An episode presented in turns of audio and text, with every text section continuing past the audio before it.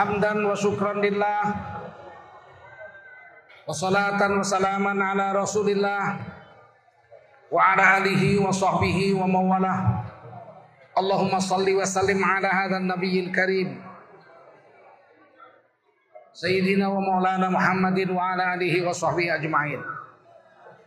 Kenapa masih bicara?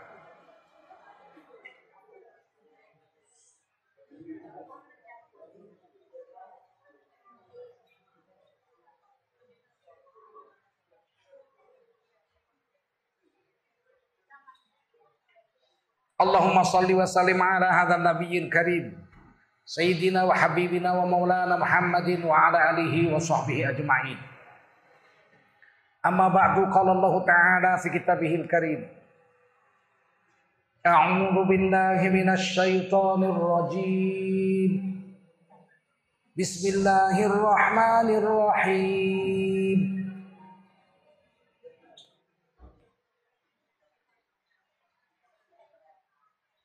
وهو الذي جعلكم خلائف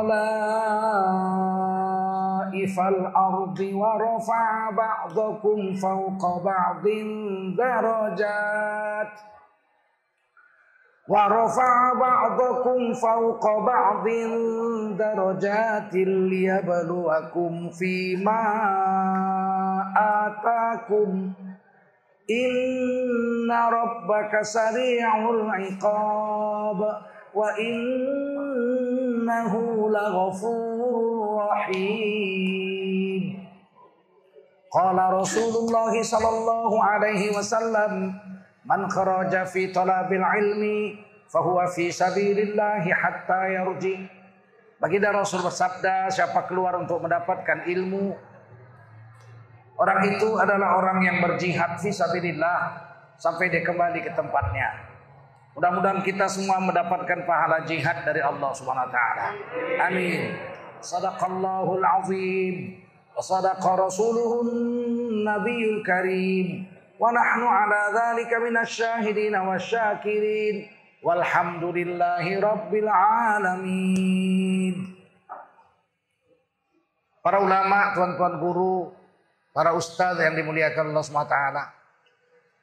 Para umarok yang berhadir yang dimuliakan Allah SWT orang-orang tua kami para sesepuh.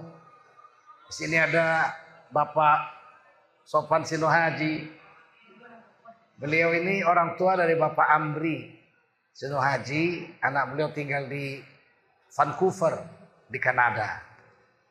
Jadi waktu saya dakwah ke Kanada saya sempat ceramah di rumah anak beliau.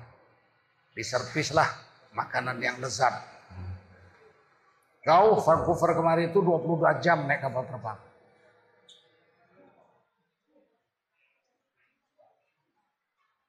Mudah-mudahan Bapak disehatkan Allah SWT. Ya. Para ulama, bapak-bapak, ibu-ibu, tokoh masyarakat, tokoh adat, tokoh agama yang dimuliakan Allah SWT, khususnya anak-anakku, anak-anak muda, generasi muda Islam, di pundak kamulah tanggung jawab untuk menjaga negeri ini agar tetap menjadi negeri yang diridhoi Allah Subhanahu wa taala. Negeri yang baldatun thayyibatun wa rabbun ghafur. Negeri yang adil makmur, di bawah lindungan Allah yang Maha Pengampun. Wajiblah kita bersyukur pada Allah SWT. Salawat dan salam kita sampaikan untuk baginda Rasulullah Sallallahu Alaihi Wasallam. Yang malam ini kita peringati hari kelahirannya. Nabi itu lahir tahun 571 Masehi. Sudah cukup lama. Dan hari kelahiran Nabi itu hari Senin. Dan Nabi itu memperingati hari lahirnya itu bukan setahun sekali seperti kita. Tapi Nabi memperingati hari kelahiran beliau itu seminggu sekali. Jadi Nabi itu memperingati hari kelahiran beliau itu 52 kali dalam setahun. Dengan bersyukur kepada Allah, syukran lillah. Dengan bersyukur kepada Allah, dengan melakukan ibadah, yaitu ibadah puasa, sunat. Dalam Islam, bersyukur itu banyak cara. Bisa dengan puasa, dan ini hampir semua nabi-nabi kalau syukuran mereka berpuasa. Hampir semua nabi-nabi. Bisa juga bersyukur itu dengan sujud syukur. Saya pernah naik bus ke Jakarta waktu masih SMP. 14 hari. Masih jalan tanah, kadang-kadang lewat rakit-rakit. Masih jumpa gajah lagi di Jambi sana. Kata bapak saya naik kapal terbang aja kamu. Sebentar harus sampai. Saya bilang nggak mau saya. Kalau nggak naik kapal laut dua hari sampai. Nggak mau. Saya mau lihat negara Indonesia. Waktu itu belum ada orang jual air aqua gitu, air apa, air mineral gitu, air botol belum ada, dibawa sendiri pakai botol. Makanan pun dibawa ke ibu saya rendam. Untuk di perjalanan. Tapi saya gembira. Waktu sampai dari Bali mau naik ke Sibolga itu putar-putar 999 belokan itu. Dulu jalannya sempit, sekarang udah agak besar. Kemarin saya ke sana ke Barus, jalannya sudah lebar. Dulu kecil, sempit, belok, belok, belok. Naik atas terus. Turun lagi sampai ke laut Sibolga. Tiba-tiba dari depan ada mobil. Hampir tabrakan itu. Belok, cuk, hampir ketemu. Itu kalau tabrak, kami yang tercampak ke laut, ke jurang. Uh, jurangnya dalam bukan main. Begitu selamat, langsung mobil itu minggir. Busnya namanya Makmur. Minggir, turun supirnya, dia berwudu di dinding-dinding gunung itu. Dulu banyak air ngalir-ngalir itu net. Dulu barusan ini saya lewat kering aja. Hutannya udah habis. Dulu hutan jadi dia berwudu, saya lihat berwudu supirnya. Senangnya hati saya itu ya Allah, supir saya berwudu. Saya pun keluar juga, wudu juga. Terus dia bawa sajadah di depan busnya itu dia bentangkan sajadah dia sholat dua rakaat. Nangis dia doa. Aduh, hati saya bahagianya waktu itu. Saya masih SMP. Saya bilang saya ikutlah sholat dua rakaat. Habis dia saya sholat. Dia doa nangis-nangis. Kita pun tenang itu naik mobil itu sopirnya soleh begitu. Jam sholat dia jaga. Restoran tempat berhentinya dia jaga. Bersyukur itu bisa dengan sholat dua rakaat. Bisa dengan sujud syukur. Dua kali sujud. Bisa dengan sedekah. Bersyukur sedekah. Bersyukur panggil anak yatim, kasih makan anak yatim. Bersyukur pada Allah pergi umroh. Banyak jalan bersyukur. Saya jangan bersyukur itu melakukan maksiat. Sekarang banyak orang syukuran. Kita bersyukur. 75 tahun Indonesia telah merdeka. Panggil keyboard, joget-joget. Penyanyinya perempuan kayak ulat bulu disiram bensin. Pakai baju jaring-jaring tipis. Ke kanan, ke kanan, ke kanan, ke kiri, ke kiri. Itu bukan bersyukur, itu kufur. Itu menghina Allah itu. Masa bersyukur atas nikmat Allah tapi melakukan maksiat melawan Allah. Bukan itu bersyukur. Nah Nabi itu pada hari ulang tahunnya itu nggak setahun sekali Nabi syukuran, tapi setiap minggu. Dalam satu hadis Sahih Muslim diceritakan begini. Su'ilan Nabi an saumil ithnin. Su'ilan Nabi an saumil ithnin. Nabi ditanya oleh para sahabat, kenapa Nabi setiap hari Senin puasa? Ada apa dengan Senin? Kenapa setiap hari Senin Nabi puasa, tiap Senin puasa, tiap Senin puasa? Ada apa dengan Senin? Kalau Rasulullah SAW, Nabi SAW menjawab, Dzalika yaumun wulidtu fihi. Hari Senin itu adalah hari di mana aku dilahirkan. Jadi hari kelahirannya. Nabi bersyukur. Seumur hidup. Syukurannya dengan berpuasa. Kita tidak boleh katakan, ya kalau Nabi syukurannya puasa kok, kamu nggak syukuran puasa, terserah aja. Kalau yang namanya syukuran bisa dengan macam-macam. Kalau saya ulang tahun itu saya selalu khatam Quran. Karena paling gembira saya baca Quran itu, itu amal yang paling membuat saya bahagia. Baca Quran itu. Jadi kalau udah mau ulang tahun saya udah ukur-ukur. Ah, saya ulang baca Quran, khatam. Senang hati. Ya, ada orang yang ulang tahun itu dia pergi umroh. Orang orang kaya. Terserah aja. Yang penting beramal soleh.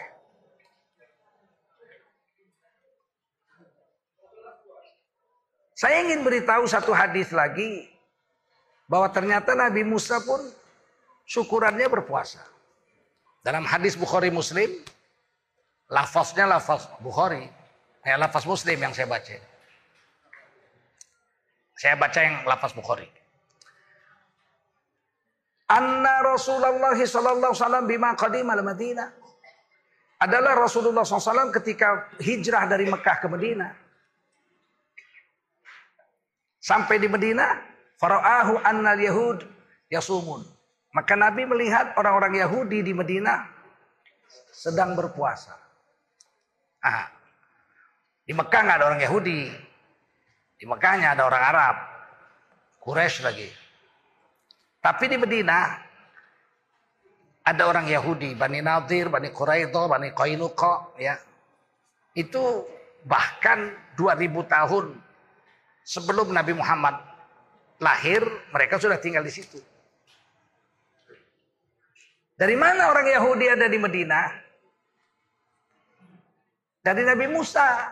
Waktu Nabi Musa naik haji, di bawah Nabi Musa lah 12 suku Bani Israel. Nabi Musa itu Bani Israel. Bani Israel itu sukunya 12. 10 keturunan Nabi Yakub dengan istri pertama Laya. Nabi Yakub itu digelari Israel. Jadi kalau disebut Israel itu Nabi Yakub. Gelarnya orang yang dicintai Allah atau orang yang berjalan malam. Istri keduanya adiknya Laya, namanya Rohil. Dulu boleh kawin kakak beradik dua-dua di madu gitu. Dulu, dulu boleh, dulu. Dulu. Sekarang tak boleh.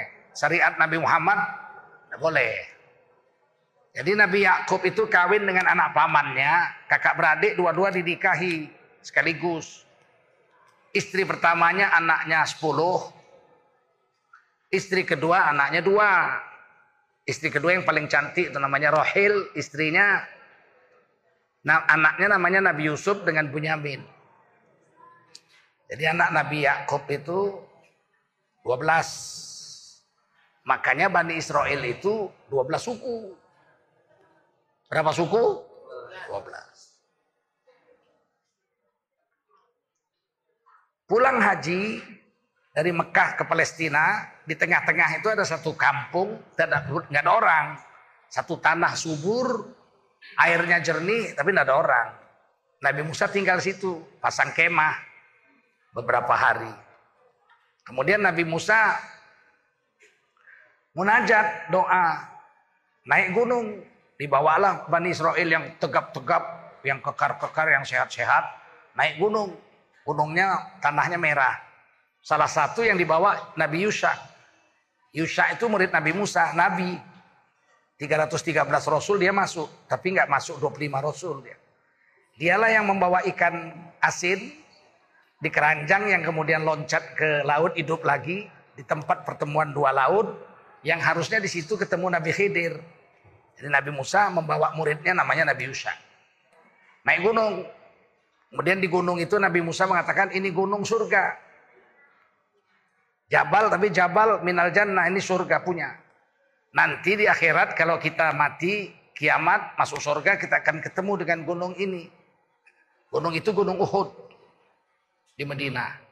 Kata Nabi Muhammad SAW ada 70 nabi yang pernah naik ke gunung itu. Termasuk Nabi Musa dengan Nabi Yusa. Nabi Harun enggak. Nabi Harun sudah lemah, sudah tua. Nabi Muhammad naik situ dengan sahabat empat. Abu Bakar, Umar, Utsman, Ali. Naik ke gunung itu. Ah, beberapa hari kemudian Nabi Musa mengatakan, ayo kita pulang ke Palestina, gulung ke kemah. Murid-muridnya Siap-siap pulang. Kata Nabi Musa, saya tinggal di sini karena saya bermunajat. Minta kepada Allah agar saya diangkat jadi Nabi akhir zaman. Khotamun Nabiin. Tapi dijawab Allah. Itu Nabi Musa kalimullah. Dia bisa ngomong-ngomong sama Allah. Nabi Musa. Kalimullah. Bisa bicara-bicara dengan Allah. Doa Nabi Musa langsung dijawab. Musa, kamu nggak bisa jadi Nabi akhir zaman. Nabi akhir zaman sudah saya tetapkan namanya Muhammad dari Bani Ismail, saudaramu. Karena Nabi Musa Bani Israel. Bani Ismail. Karena anak Nabi Ibrahim itu dua. Yang paling tua namanya Nabi Ismail dari istri kedua. Itu nanti jadi Bani Ismail, orang Arab. Dari istri pertama, Saroh. Itu ada anak namanya Ishak. Dari Nabi Ishak inilah nanti turun Bani Israel. Nabi Ishak punya anak Nabi Yakub, Nabi Yakub punya anak 12, 12 itulah disebut Bani Israel. Dengar aja dengar. Sungguh-sungguh kalian dengar ini. Jangan kalian melamun dengarnya. Ini sejarah. Jarang ada ustadz cerita begini. Mau cerita juga nggak hafal dia. Dengar baik-baik. Maka kata Nabi Musa, aku berdoa minta jadi nabi penutup. Nggak diterima. Terus aku minta lagi, ya Allah jadikan aku umat nabi akhir zaman min ummati min ummatihi daripada umat Nabi akhir zaman itu nggak diterima juga masih jauh 2000 tahun lagi nah, mari kita pulang kenapa saya tinggal di sini? Karena di sinilah Nabi akhir zaman itu akan diturunkan. Ah dua suku nggak mau pulang. Bani Nadir dengan Bani Quraisy nggak mau pulang. Mereka mengatakan wahai Nabi Musa kami tinggal sini aja. Ngapain? Kata Nabi Musa. Kami mau tunggu apa Nabi akhir zaman itu. Ah, nggak ketemu, masih 2000-an tahun lagi. Nggak apa-apa kalau kami nggak jumpa. Paling tidak anak cucu kami ketemu. Dan mereka akan masuk Islam dengan Nabi itu. Membela Nabi itu berjuang. Nah, tinggallah kalau begitu. Tinggallah Bani Nadir dengan Bani Quraisy. Tapi sayang, udah ditunggu 2000 tahun. Ketemu apa katanya dalam Quran? Dalam surah As-Saff. Falamma ja'ahum bil bayyinat qalu hadza sihrum mubin. Ketika Nabi yang ditunggu-tunggu 2000 tahun itu datang yaitu Nabi Muhammad ketemu dengan orang Bani Nadir dengan Bani Quraisy mereka mengatakan ini adalah sihir yang nyata. Hanya 10 orang. Hanya 10 orang pendeta Bani Israel yang masuk Islam. Dua di antaranya perawi hadis yang terkenal namanya Abdullah bin Salam radhiallahu dengan Ka'ab al-Akhbar. Dua ini yang paling banyak merawikan hadis dari golongan pendeta Yahudi yang masuk Islam. Udah, udah. Diam, diam, dengar. Dia kira-kira kalau ngomong-ngomong malaikat pergi itu yang paling marah saya kalau ceramah. Ya. Saya ceramah itu Kata Nabi kalau kita duduk mendengar ceramah, malaikat datang memayungi dengan sayap-sayap. Illa hafathumul malaika. Sama dunia. Bersusun-susun malaikat memayungi kita ngaji ini sampai ke langit dunia. Triliunan malaikatnya lebih banyak dari kita. Tapi kalau kita bercakap-cakap, dia pergi. Ngapain aku memayungi kamu? Kamu aja nggak menghormati majelis kamu. Rugi kita.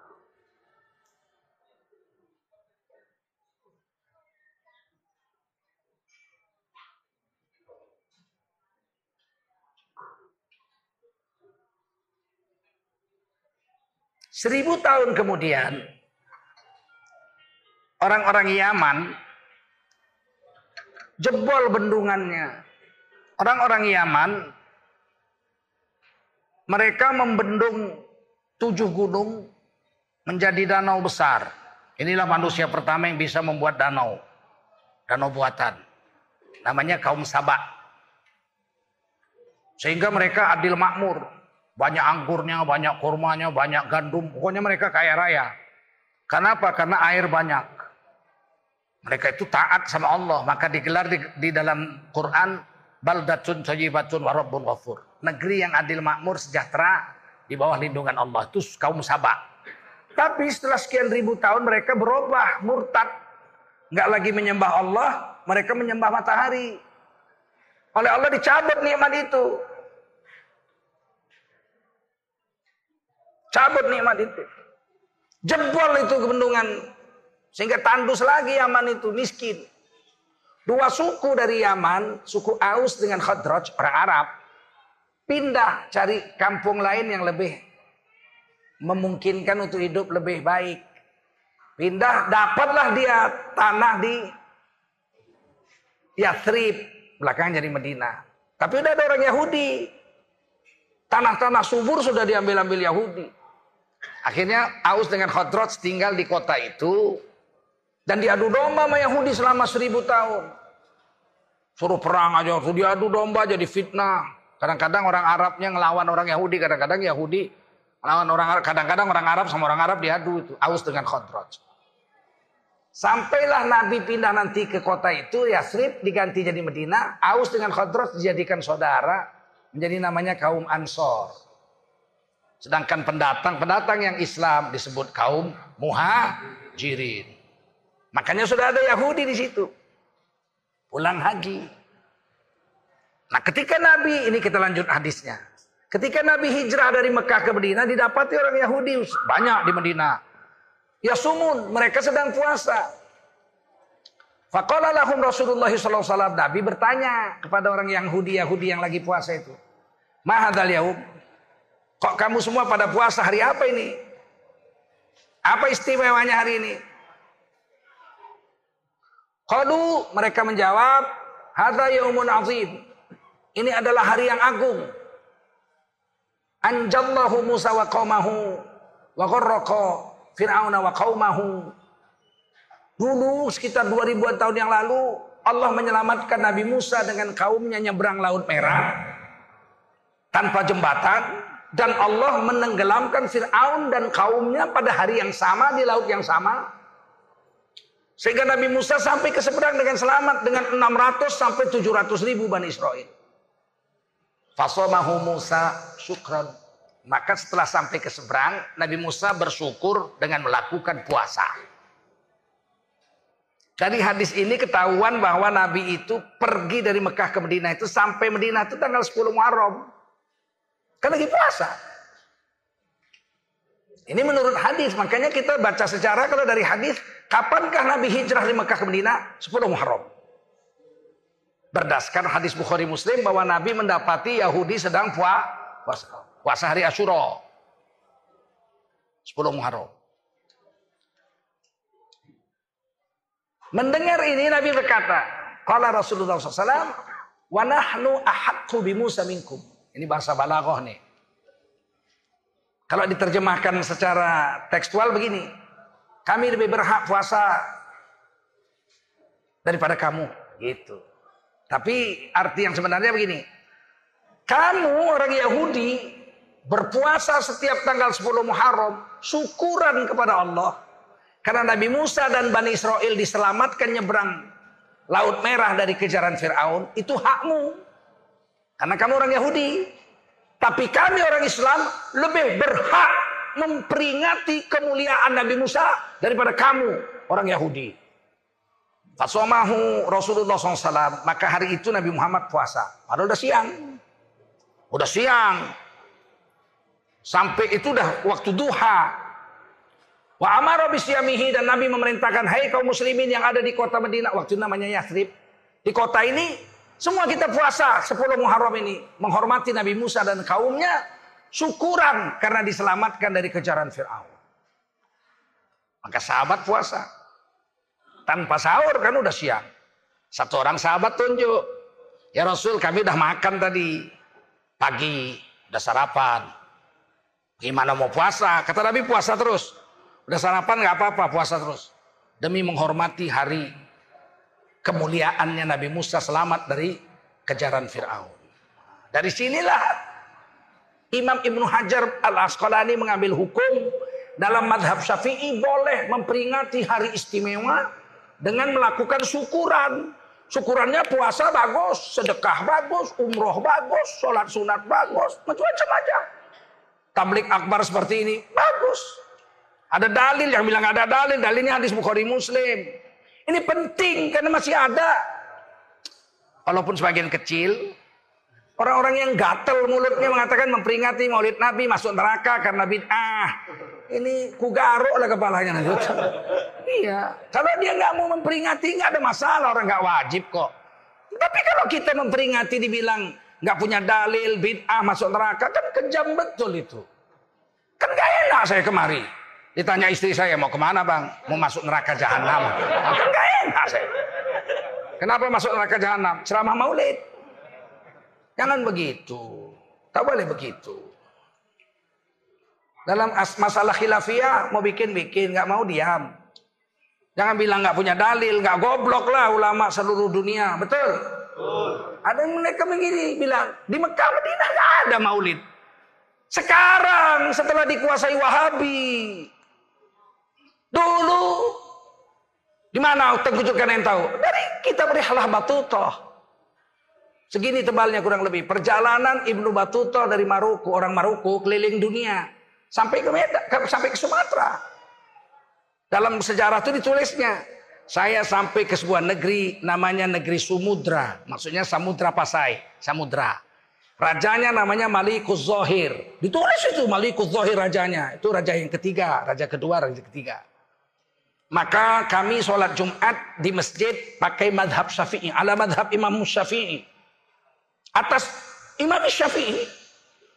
Artinya dua kali azan, ya kan? Dua kali khutbah pakai duduk, begitu.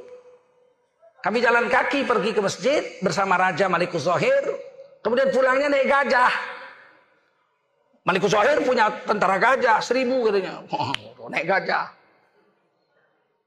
Ditulis itu dalam Rihlah Batuto. Sempat Ibu Batuto sampai ke Aceh Utara, Gedung, Kerajaan Samudra. Nah di dalam Riflah Batutah itu dia ketika saya sampai ke Madinah sedang Maulid Nabi bulan Rabiul Awal. Madinah macam siang, semua orang masang lampu seterang-terangnya. Berbahagia dengan bulan kelahiran Rasulullah Sallallahu Alaihi Wasallam. Jadi kadang-kadang ustadz-ustadz baru tumbuh nih payah. Iya. Jadi gini-gini ada dalilnya ada. Kayak baca buku aja bukan kutu buku dia. Iya, kambing tuh kalau baru tumbuh, tumbuh tanduk, gatal aja semua mau ditandui.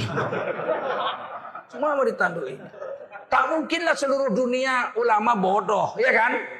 Memperingati maulid di seluruh dunia untuk supaya masuk neraka jahanam kan bodoh kan? Kalau maulid Nabi ini bid'ah masuk neraka yang nomor satu masuk neraka ketua panitia lah. Mana ketua? Nah, baru aku lah nyusul ustadznya ya. Bapak-bapak belakangan nyusul ibu-ibu. Jangan begitu. Tak boleh begitu. Kita maulid Nabi ini syukuran. Kalau nggak ada Nabi kita mungkin masih nyembah sapi kan gitu.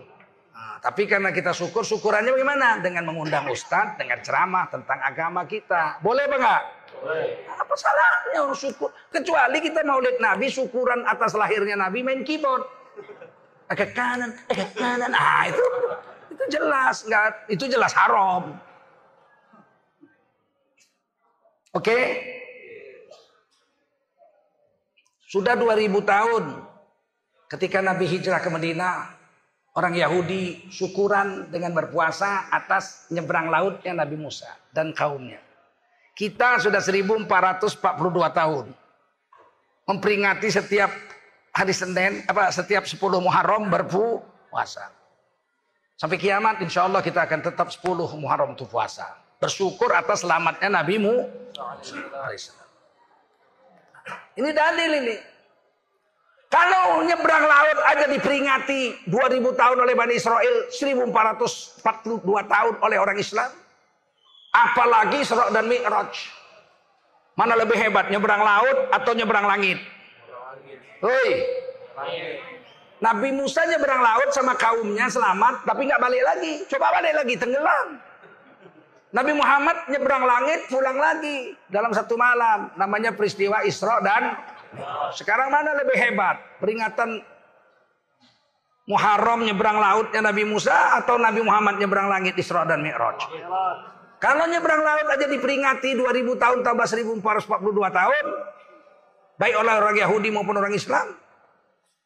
Apa kira-kira nggak pantas kita memperingati Maulid dan Isra dan Mi'raj? Pantas nggak? Lebih pantas kan? Nah, ini dalil. Kalau nggak senang, ini kan direkam. Hujah, balas. Balas, kasih dalilmu. Jangan cuma kau bilang bid'ah, bid'ah, bid'ah. Dalilnya mana? Oh, nggak pernah dibuat Nabi. Banyak yang nggak pernah dibuat Nabi, tapi nggak bid'ah. Banyak. Nabi nggak buat. Nggak bid'ah. Salah satu yang dibaca, yang dibuat oleh sahabat nggak dibuat Nabi tapi nggak bid'ah tapi sunnah baca kulhu diulang-ulang. Ah, kulhu diulang-ulang itu Nabi nggak pernah buat, nyuruh pun nggak pernah Nabi. Nggak pernah Nabi bilang kamu bacalah kulhu Allah ulang-ulang, ulang-ulang, ulang-ulang. Nggak ada wirid-wirid kan kulhu nggak ada disuruh Nabi. Udah nggak disuruh Nabi juga nggak buat, tapi nggak bid'ah. Di dalam hadis Bukhari dalam kitab Riyadus Salihin Anna rajulan sami'a rajulan yaqra'u qul huwallahu ahad. Yuraddiduha. Ada seorang laki-laki sahabat Nabi dalam Dalilul Falihin disebut namanya Abu Musa Al-Asy'ari radhiyallahu Beliau hafal Quran 30 juz.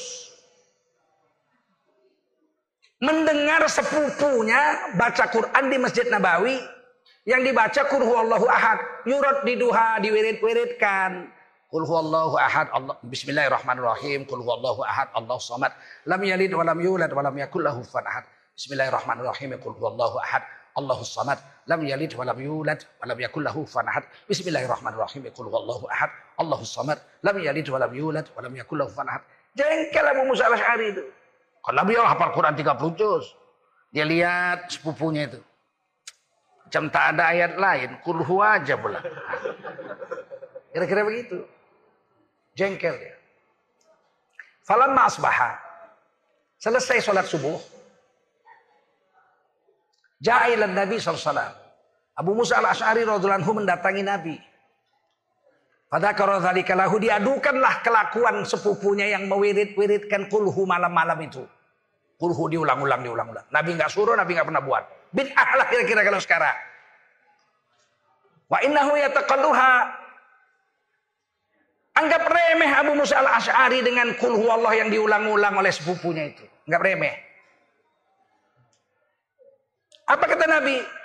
Kalau Rasulullah SAW Nabi menjawab pengaduan Abu Musa al-Ash'ari radhiallahu Walladhi nafsi biyadi demi Allah yang menguasai nyawaku Nabi bersumpah innaha la ta'dilu thulutsal Qur'an sesungguhnya satu kulhu yang dibaca sepupumu tadi malam pahalanya sama dengan sepertiga Al-Qur'an Riwayat Bukhari, hadis sahih.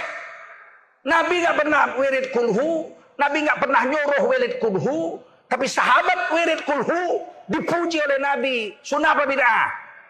Jangan cepat-cepat bilang bini, bini. Nabi nggak pernah buat. Berapa banyak yang Nabi nggak pernah buat kita buat. Betul? Baca Quran Nabi nggak pernah baca Quran. Pernah Nabi baca Quran? Pakai mushaf wadduha wal laili idza saja. Mana pernah Nabi buta huruf kok?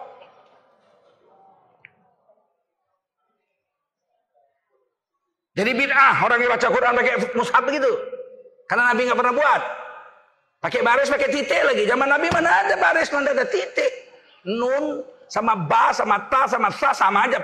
Begitu aja nulisnya. Ayo baca mana bacanya.